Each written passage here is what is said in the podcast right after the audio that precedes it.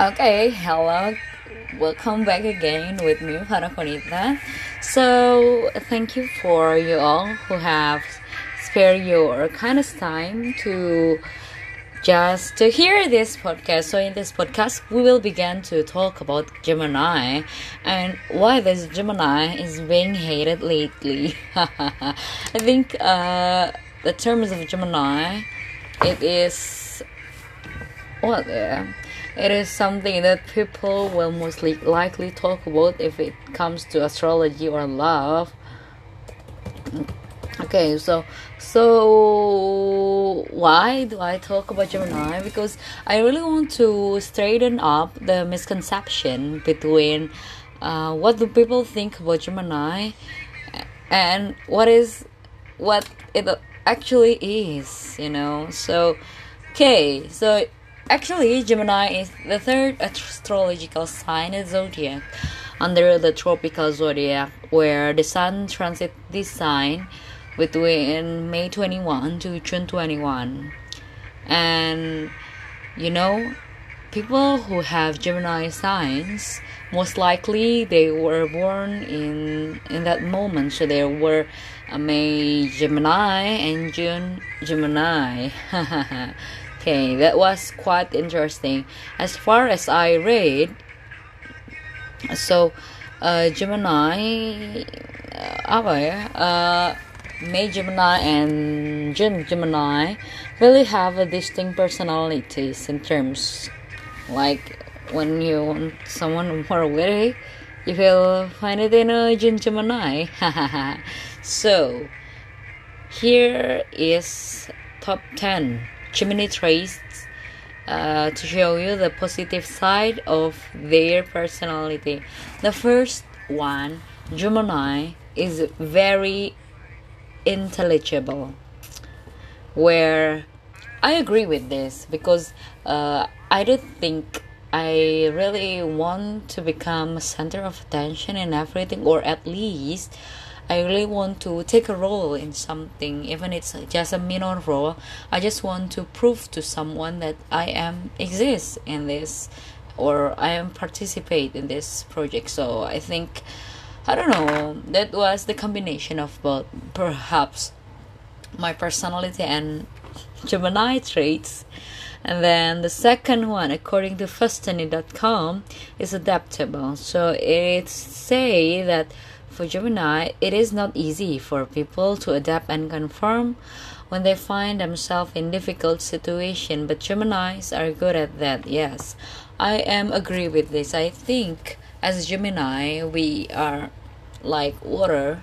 We can be hop on in every kind or every type of the socialite and we can be adapted to it in a quick in a glance you know? Because we're just like water. Where you put us then it is what it is what we uh, what we will be. Like that. And then the second the third one is social butterfly. Okay yeah. Yeah. I think uh, that was very true too because you know it's very hard for gemini just to be alone and stuck so that's why we really like to do a networking and we do really really really really like uh, to just hop on other parties and become the center of attention and collect all the good networks that we have. So when you find a gemini uh, in your circle perhaps them were becoming the yeah you know uh, the networker or the social butterfly. The fourth is loyal partner and friend. Oh my god, this was really true. You know, uh, there was a song from a Black Widow. I forgot who who were sang that like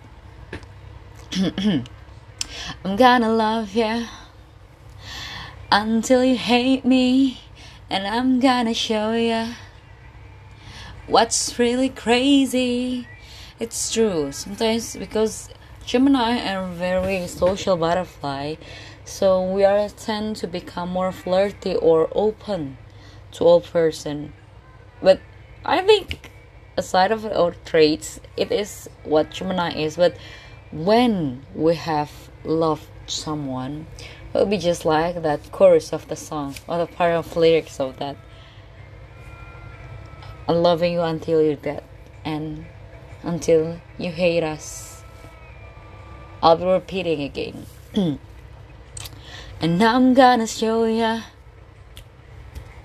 what's really crazy.